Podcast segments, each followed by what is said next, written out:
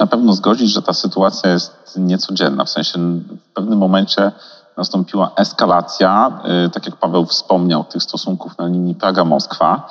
Y, dużo mówi się o zaangażowaniu NATO, o tym, w jaki sposób tą sytuację wpisać w jakiś szerszy geopolityczny kontekst.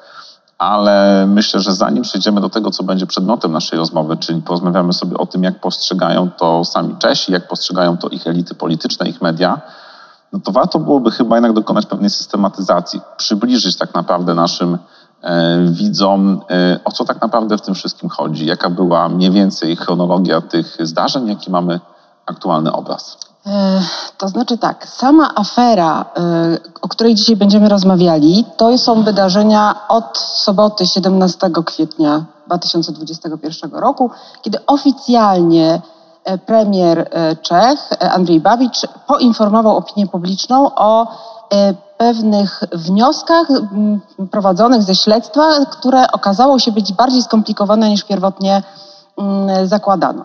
Czego sprawa dotyczyła pierwotnie? Pierwotnie dotyczyła sytuacji, która miała miejsce w 2014 roku w jednym z takich magazynów składu broni pod Ostrawą, E, który był prowadzony przez firmę e, e, Impex Group. To była mm, prywatna firma i prywatny magazyn bułgarskiego przedsiębiorcy Jana Grybyjewa, który między innymi dostarczał broni do Donbasu, dostarczał broni na, na Ukrainę.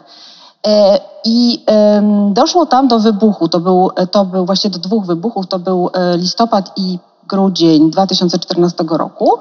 E, od tego zaczęło się śledztwo. No i w tym momencie jakby mm, zaczyna się taka mm, akcja zwrotna, ponieważ pół roku później właściciel tego magazynu, czyli Emil Grybiew, zostaje zamordowany e, i okazuje się po jakimś czasie, a mianowicie po zabójstwie e, Skripala w Wielkiej Brytanii, czy po próbie zabójstwa Skripala w Wielkiej Brytanii, że jest on otruty dokładnie tą samą substancją.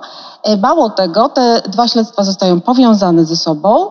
No i e, e, okazuje się, że mm, te wybuchy miały mieć miejsce nie na terenie Czech, tylko e, zostali wysłani agenci rosyjscy, notabene dokładnie ci sami, którzy mieli próbę e, otrucia Skripala, mm, którzy e, mieli zaminować, że tak się kolokwialnie wyrażę, ładunki właśnie tej broni, które miały być dostarczone na Ukrainę, które miały wybuchnąć dopiero po jakimś czasie, czyli de facto nie na terytorium Czech. Ja tylko A, przypomnę, po, że na, po, transporcie, tak? Po, w czasie transportu mm, i pra, prawdopodobnie miały wybuchnąć na, na terenie Bułgarii. Natomiast to, że wybuch, wybuch nastąpił w Czechach i zabił dwóch czeskich obywateli, całkiem przypadkowych, było po prostu e, efektem źle zamontowanej e, e, tej, tej całej aparatury do, do, do właśnie aktywacji tego ładunku. No i właściwie można powiedzieć, że tu możemy iść dwoma wątkami. Pierwszy to jest taki czesko-satyryczny, czyli właśnie bohaterowie, czyli ci dwaj agenci rosyjskiego wywiadu GERU, którzy się pojawiają w różnych miejscach w Europie, nie tylko w, w Czechach i nie tylko w Wielkiej Brytanii, którzy właściwie mogliby grać takie postacie komiczne, którym się generalnie nic nie udaje i zostawiają dosyć nieudolnie za sobą ślady. Mm, I druga rzecz, już całkiem poważna, to jest pytanie, y, od kiedy władze czeskie wiedzą o sytuacji, ile czasu Amerykanie przytrzymują ten raport. Tutaj jest pytanie o rolę prezydenta Trumpa i prezydenta Bidena. Przypominam, że ten raport oficjalnie trafił do rąk Czechów dopiero po czyli nominacji Bidena. Że śledztwo zostało połączone, czyli to było, czyli Czesi prowadzili to śledztwo wspólnie z Brytyjczykami? Już później tak, to znaczy Skripala, czy z tak, nie, pierwotnie, pierwotnie prowadzili to oczywiście ze wsparciem NATO i Unii Europejskiej, bo to była za duża sprawa. Po e, e, sytuacji ze Skripalem dołączyły jakby kolejne służby. No nie dowiemy się tak naprawdę, które służby prowadziły te śledztwa. Można się tylko domyślać, że pod agendą brytyjską e, współpracowały ze sobą wszystkie, i amerykańskie, i nawet chyba rosyjskie próbowały mataczyć tą sprawę dosyć mocno. Tym bardziej, że od samego początku było wiadomo, że ci e, dwaj agenci, e, e, których zresztą znamy nazwiska, to był Aleksander Pietrow i Rusłan Boshirow, to byli ludzie, którzy już posługując się różnymi paszportami na fałszywe nazwiska, wielokrotnie byli gdzieś tam odnotowywani, że się pojawiali. E, I to jest jakby taki wątek całkiem, całkiem poważny, ale no on się jakby e, dopiero rozwijał razem z, z, ze śledztwem. I tak jak powiedziałam, 17 kwietnia e, oficjalnie Andrzej Babicz poinformował opinię publiczną o rezultatach tego śledztwa. pierwotnie dosyć mocno umniejszając rolę guru i Federacji Rosyjskiej. Mówisz właściwie to no, nie możemy tak tutaj oskarżać.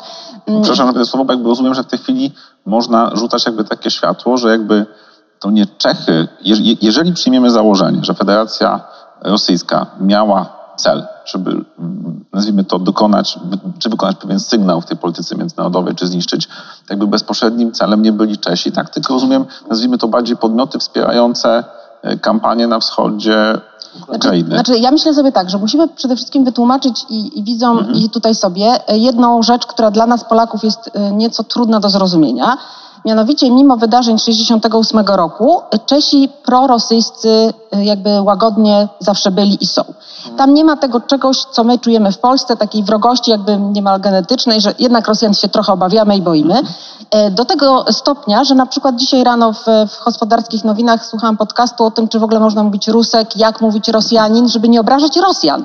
Czyli to jest jakby bardzo duże rozróżnienie pomiędzy służbami specjalnymi Rosji, e, e, rządem rosyjskim różnym w różnych okresach, komunistycznym czy potem już nie, a samymi Rosjanami. To jest jedno. Druga rzecz, to też trzeba pamiętać, że Rosjanie, i to jakby dzisiaj władze z Czech potwierdzają, zrobiły sobie w Pradze centrum dowodzenia różnego rodzaju służbami swoimi wywiadowczymi, co potwierdza ich kontrwywiad. Myślę o czeskim kontrwywiadzie, e, e, między innymi poprzez bardzo dużą liczbę pracowników ambasady rosyjskiej w Pradze, e, co dzisiaj między innymi właśnie też jest przedmiotem tych retorsji wzajemnych i odwoływań. Ale że wróćmy, premier Babisz ogłasza tą informację. Mhm. Jak on to robi? Czy zwołuje specjalną konferencję prasową, tak, komunikat jakiś? Nie, w sobotę jest konferencja prasowa premiera Babisza, on o tym informuje. E, to jest bardzo duży szok dla opinii publicznej e, Czech. Ja myślę, że e, widać to przede wszystkim po danych właśnie takich sondażowych.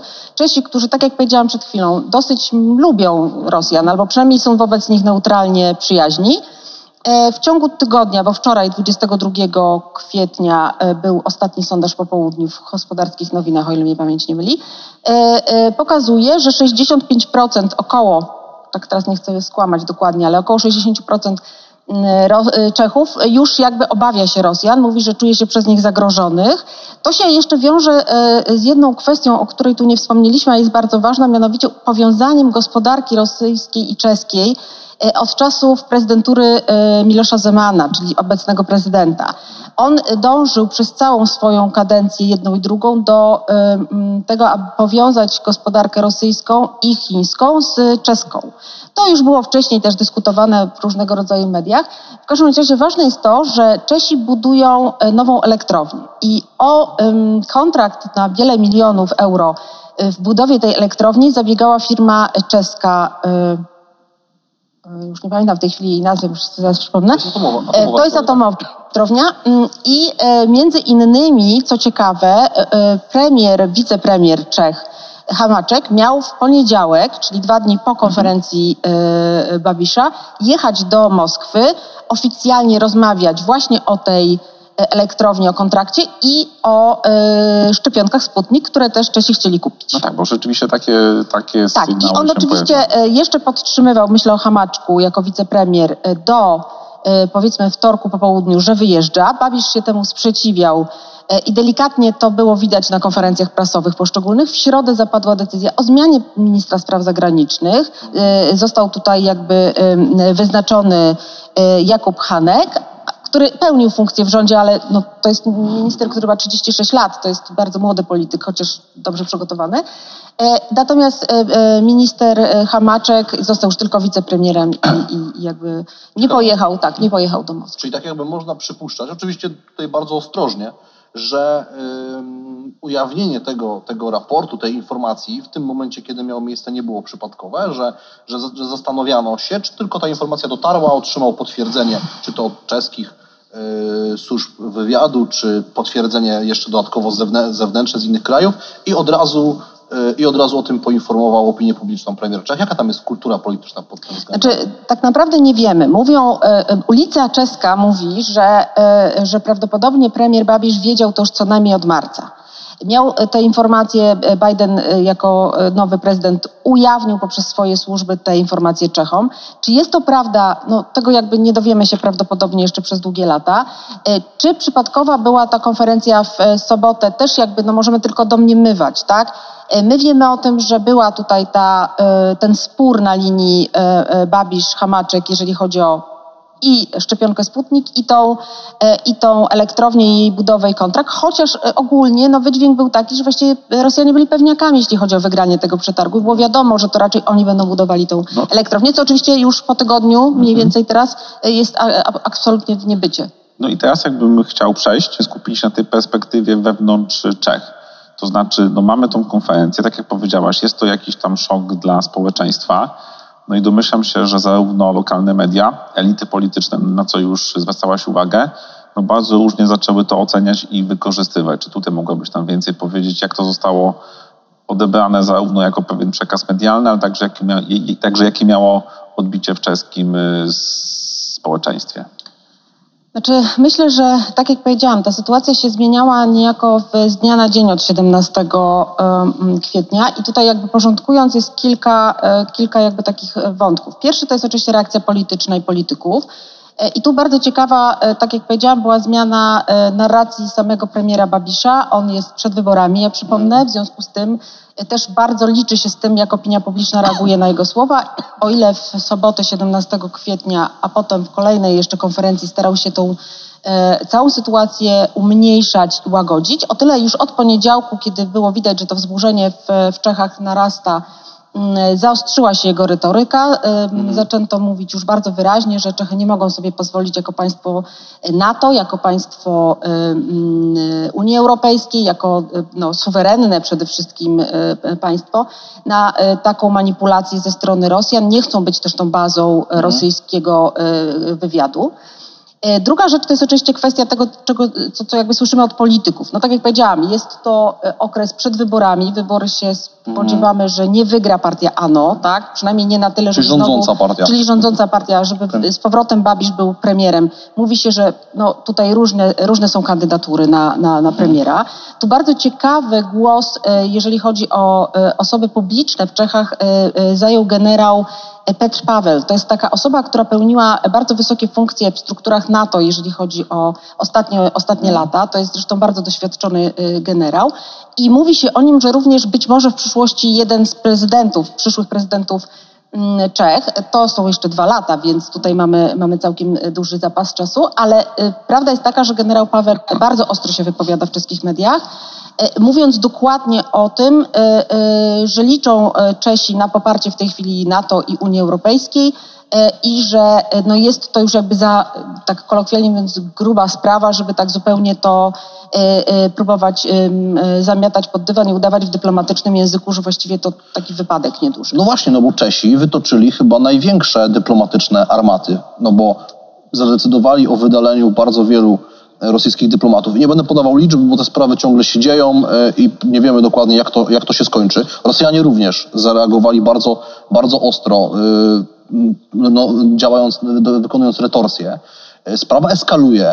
Jak, do czego to będzie zmierzało? To znaczy, jak sprawa, jak sprawa zacznie deeskalować? No bo chyba znaczy wiemy, jesteśmy wiemy pewni, że tak się stanie Wiemy w tej chwili dwie rzeczy. Wiemy, że ulica, bo o to jeszcze pytał Łukasz, że ulica czeska wyraża swoje niezadowolenie. Oblewanie ambasady czy konsulatu w Paradze czy w Brnie keczupem, mhm. to jest nawet wydarzenie z 23 kwietnia, czyli dzisiaj jak rano E, e, którą, którą mamy w mediach. E, to jest wyświetlanie przez organizacje samorządowe pro-unijne i bardzo mocno demokratyczne napisów, na przykład przed gabinetem prezydenta Zemana, E, właśnie, żeby zabrał głos, bo co ciekawe, o ile premier wypowiada się w konferencjach właściwie codziennie albo co drugi dzień, o tyle mm, prezydent Zeman milczy. My wiemy o tym, że prezydent Zeman e, to jest właśnie ten prorosyjski e, swój człowiek w Moskwie, jak mówił o nim Putin. To jest nasz człowiek, w, w, tak. przepraszam, w Pradze. I on w sobotę słowami swojej rzeczniczki, czy w niedzielę słowami swojej rzeczniczki powiedział, że wypowie się dopiero w kolejnym tygodniu w niedzielę, czyli 25 kwietnia czekamy na jego konferencję, co może świadczyć o tym, że on po prostu próbuje wyczuć e, atmosferę, no, wiedząc o tym, że ta jego wypowiedź będzie miała jakąś tam polityczną uwagę w samych Czechach głównie. Natomiast jeżeli On nie pytacie- ubiega się, on nie ubiega nie, on jeszcze prawdopodobnie nie będzie ubiegał, ale to nie znaczy, że nie chciałby jeszcze pewnych fruktów politycznych sobie ugrać, bo one są dosyć duże. Natomiast wracając do pytania, które zadałeś. e, Czesi wydalili pięciu pracowników e, ambasady. Tu zwrócę uwagę na to, co już powiedziałam. Pracownicy ambasady no, rosyjskiej w Pradze to była bardzo liczna grupa, około 69 osób, z czego mówi się, i to potwierdza jakby oficjalnie kontrwywiad czeski, połowa z nich to byli różnego rodzaju agenci, czyli nie pracownicy Etatowi to- to dyplomacji, mieli tylko... podwójną funkcję. Tak, tylko mi, albo w ogóle byli takimi e, e, trochę Na figurantami, którzy tak, którzy Tak. mieli za, za zadanie robienie czegokolwiek innego, ale niekoniecznie zajmowanie się Rosjanami w, w Czechach. E, Zostały wydalone osoby, które praktycznie nie miały wielkiego znaczenia dla funkcjonowania ambasady e, rosyjskiej w Pradze. E, Odpowiedzią rosyjską, bardzo mocną, było, e, było wydalenie mm, 20 czeskich pracowników ambasady. I tutaj uwaga, były to przede wszystkim osoby y, w randze dyplomatów albo osób, które pełniły autentycznie funkcje y, konsularne i dyplomatyczne, co spowodowało, że tak jak wspomniałeś, pięć osób zostało w placówce mm, moskiewskiej. Y, co de facto uniemożliwia Czechom pracę konsularną i dyplomatyczną na tym poziomie, jaki, jaki powinna zapewnić Republika Czeska swoim obywatelom. E, Co ciekawe, mm, e, Czesi w odpowiedzi e, dalej jakby e, mm, już bardzo stanowczo na konferencji 22 kwietnia powiedzieli, że będą wydalali kolejnych dyplomatów, już teraz dyplomatów rosyjskich z Czech, którzy mm, e, właśnie też jakby odpowiedzialni są za opiekę nad obywatelami rosyjskimi w Czeskiej Republice, czyli de facto tak samo sparaliżują placówkę, e, placówkę dyplomatyczną. Żeby było jeszcze ciekawiej, poprosili, czy oczekują podobnego wsparcia ze strony NATO i Unii Europejskiej i tu wieczorem 22 kwietnia e, e, rząd słowacki powiedział, że również wydala, czy prosi o opuszczenie jako persona non grata kolejne trzy osoby z Bratysławskiej, tym razem placówki Taka dyplomatycznej. solidarność zamanifestowana Znaczy, przez Słowaków. Umówmy się, no, relacje czesko-słowackie, czy może słowacko-czeskie są tutaj jakby osobnym jeszcze tematem do, do pewnie dyskusji, E, ale w, na pewno czuć dzisiaj w Pradze takie oczekiwanie ze strony innych sojuszników e, europejskich podobnego, podobnego zachowania. Ja tylko jeszcze na marginesie zaznaczę, że w międzyczasie tej afery czeskiej e, możemy obserwować zachowanie Putina dotyczące zarówno Ukrainy, bo pamiętajmy, że wątek ukraiński w tej aferze jest jakby dosyć istotny i e, wczorajszą, czyli 22 kwietnia, e, decyzję o jednak wycofaniu wojsk spod granicy ukraińskiej, e, w wypowiedziach Putina już skierowanych nie tylko do e, Czechów, ale właściwie do Amerykanów i całego świata, w związku z również wycofaniem e, części dyplomatów amerykańskich z Moskwy, że mm, Moskwa będzie teraz tak, w taki sposób e, e, reagowała e, działaniami na sankcje, które przecież e, też jakby ją dotyczą ze strony Unii Europejskiej i świata zachodniego, e, że jeszcze tego jakby świat nie widział i nie, nie spodziewa się tak ostrych reakcji, więc możemy dzisiaj e, domniemywać, ale to jest tak jak mówię, jeszcze dzisiaj domniemanie, że ten e, wątek czeski jest jakby jednym z całej pewnej narracji, Oczywiście to trzeba czytać w kontekście tak, globalnej którą mamy polityki, w tak. polityce dzisiejszej. To, Znaczy to jeszcze, jak możemy wrócić, no bo to jest tak naprawdę to, co charakteryzujesz.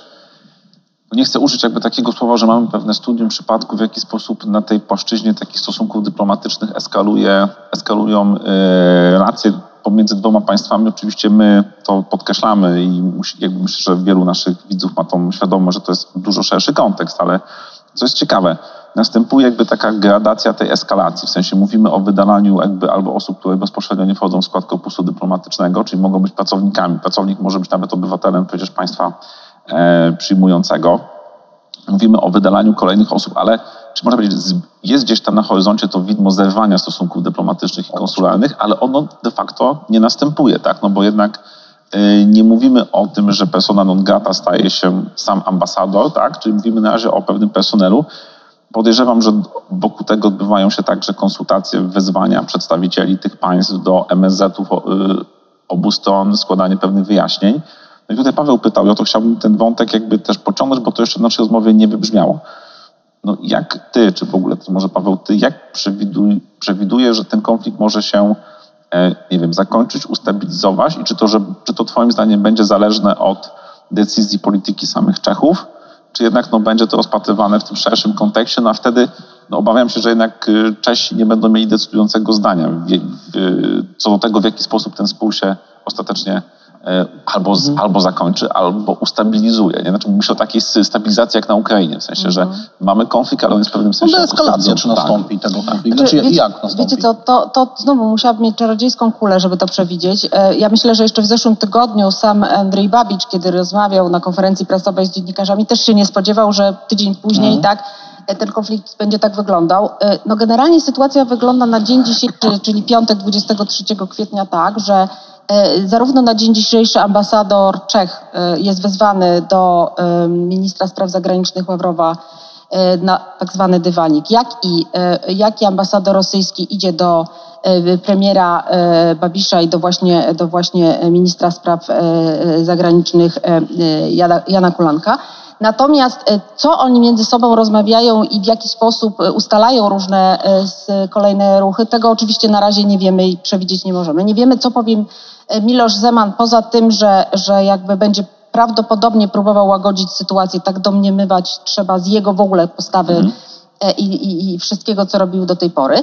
Natomiast wiemy na pewno też to, że zmienia się nastawienie Czechów do, do całej sprawy. Ja myślę, że to jest bardzo ważne, żeby powiedzieć, że ta narracja czeska jest dosyć ostra, nawet jak na dyplomatyczne e, standardy Europy, nie mówiąc już o samych Czechach, którzy nie eskalują i raczej nie domagają się e, e, tak publicznie e, różnego rodzaju działań. Oni są raczej powiedziałabym, w takim odbiorze wyważeni. Mm, bardzo wyważeni i jeżeli już to, to pro, taką dyplomacją miękką, zakulisową załatwiają swoje sprawy, to jest jakby po pierwsze. Po drugie, e, musimy pamiętać o obywatelach czeskich, którzy są w, w, na terenie Federacji Rosyjskiej, hmm. którzy zostają bez ochrony e, w tej chwili konsularnej. E, z tego, co sprawdzałam, na chwilę obecną poproszona została właśnie Słowacja i jej konsulat i hmm. ambasada o przejęcie jakby opieki nad tymi obywatelami. Hmm. Prawdopodobnie oczywiście e, również na mocy porozumień Unii Europejskiej no tak inne unijne ambasady będą to robiły. Tak. tak. Natomiast to też pokazuje, e, w jaki sposób zostaje zdegradowana jakby ta dyplomacja stara, nazwijmy tradycyjna, gdzie ludzie konkretni są odpowiedzialni za relacje, a nie tylko przekaz medialny lub ewentualnie połączenia internetowe. Ja raczej bym to w, widziała w dużo szerszym kontekście, dlatego że tak jak powiedziałam, tych wątków e, zarówno amerykańskich, jak i ukraińskich, jak i bułgarskich, bo w ogóle nie mhm. powiedzieliśmy o tym, tak. że przecież e, e, to zabójstwo Grebiewa jakby też nie zostawia służb bułgarskich tak zupełnie na boku. Tu się jeszcze mówi o, o innych służbach, które mogłyby być lub mhm. są zainteresowane rozwiązaniem tego konfliktu. Mm, lub w ogóle wyjaśnieniem, co służby specjalne Federacji Rosyjskiej, GURU, próbują tak naprawdę zmontować za akcję na terenie Europy. E, I tutaj jakby też możemy się tylko pytać specjalistów od terroryzmu. Ja też jeszcze tylko zwrócę uwagę właśnie na tą narrację. O ile premier Babisz na początku tygodnia w ogóle nie posługiwał się taką narracją, o tyle od środy mówi się o państwowym terroryzmie po prostu na terenie Czech. Tak, to są bardzo mocne słowa. I tak bardzo. na koniec, y, tak jak wiem, że nie masz czarodziejskiej kuli, ale myślę, że to wszystkich nas y, i naszych słuchaczy również interesuje. Jak sądzisz, czy to wydarzenie, to, to, os, ten, no, to oskarżenie Czechów o terroryzm, y, y, oskarżenie Rosjan przez Czechów o terroryzm państwowy, czy to jest jedno z tych wydarzeń, które będzie takim kamieniem milowym w historii stosunków pomiędzy tymi państwami. Ja wiem, że w polityce, w realpolitik zwykle nie ma spraw, do który, do, nad którymi nie można przejść do porządku dziennego. Moglibyśmy wymieniać w historii bardzo wiele takich wydarzeń, ale czy tutaj będzie można mówić o stosunkach rosyjsko-czeskich do tej sprawy i po tej sprawie, czy ona zostanie gdzieś jednak, yy, jednak w debacie, czy uda się po wielu resetach, problemach, działaniach dyplomatycznych w ciągu może kilku lat powrócić do tradycyjnych relacji E, dosyć sympaty, sympatycznie odbierany. E, to znaczy powiem tak, ja myślę, że będzie to cenzura w relacjach czesko-rosyjskich, e, jak i w ogóle unijno-rosyjskich, bo pamiętajmy, że Czesi bardzo liczą na to, jak wypowiada się i w jakim kierunku idzie wypowiedź Unii Europejskiej, jak i samego NATO. Znając doświadczenia i historię przede wszystkim Czech, e, tą historię XX wieku, e, myślę, że ta zadra będzie tak jak po roku 68 O. jeszcze długo w samych Czechach siedziała.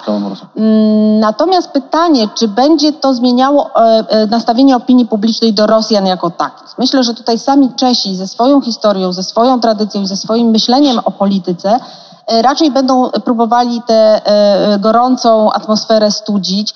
E, Są pragmatykami. E, To są jednak e, w większości wychowań, wycho- wychowankowie na myśli Masaryka, który miał świadomość, że to nie jest największe państwo w Europie.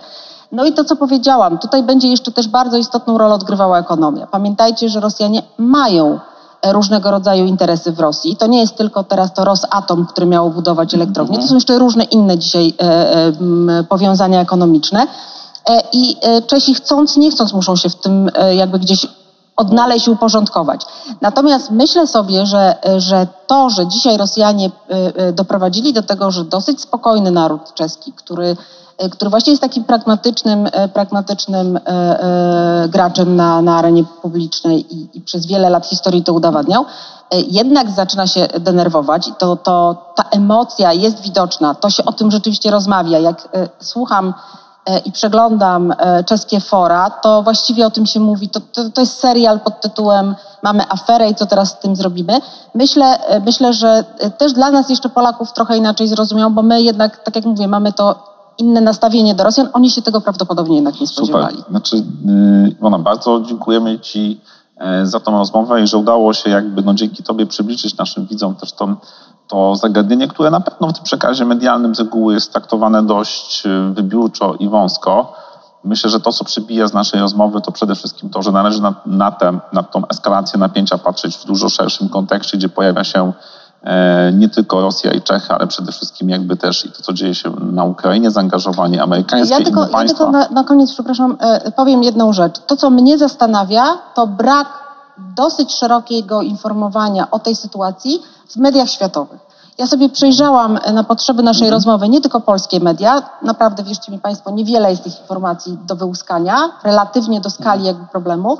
Natomiast również przeglądając e, The Guardian, Washington Post, New York Times, e, to są niewielkie notki. To znaczy, że świat nie chce tak naprawdę jeszcze na chwilę obecną tego czeskiego wątku tak bardzo mocno podkreślać, co też powinno dać nam do myślenia. Znaczy tak, bo myślę nawet, że to, co teraz powiedziałaś, też jakby uzupełnia tą perspektywę, że mówimy jakby o, pewnym, o pewnej eskalacji, która jest dla nas widoczna, którą obserwujemy u naszych południowych sąsiadów, a dotyka jakby no szerszego kontekstu geopolitycznego. To jest trochę tak, że no my jakby będąc po jednej stronie uważamy, że to jest jakby przeciwdziałanie temu, co robi Rosja. No domyślam się, że z perspektywy Rosji to tak naprawdę są to działania defensywne w stosunku do tego, co Amerykanie i ich sojusznicy robią w regionie, więc tutaj pewnie, tak jak powiedziałeś, to jest dużo bardziej złożony problem. Na pewno ciekawym case'em jest to, jak to będzie rozegrane na tej płaszczyźnie dyplomatycznej, bo bardzo ciekawy wątek, który poruszyłaś, czyli no, takiego nowego patrzenia na dyplomację, że tak naprawdę ta publiczna dyplomacja, dyplomacja medialna zaczyna w większym stopniu oddziaływać na społeczeństwa obu państw i nawet na scenę polityczną niż ta dyplomacja formalna. Yy, No i tak naprawdę wydaje mi się, że ten temat będziemy jeszcze długo, będziemy go jeszcze obserwować. Jeżeli będzie się działo coś ciekawego, to pozwolimy sobie Ciebie e, ponownie zaprosić do rozmowy. A za dzisiejszą rozmowę serdecznie e, dziękuję Paweł Kusiak, Łukasz Wyszyński e, i nasz gość, pani doktor Iwona Jakimowicz-Pisarska. Zachęcamy do tego, żeby naszą rozmowę e, polubić, dać łapkę w górę, żeby ją e, udostępnić, żeby subskrybować nasz e, kanał. Dziękujemy za dzisiaj. Zapraszamy już na kolejne rozmowy i spotkania. Dziękuję Do bardzo. widzenia.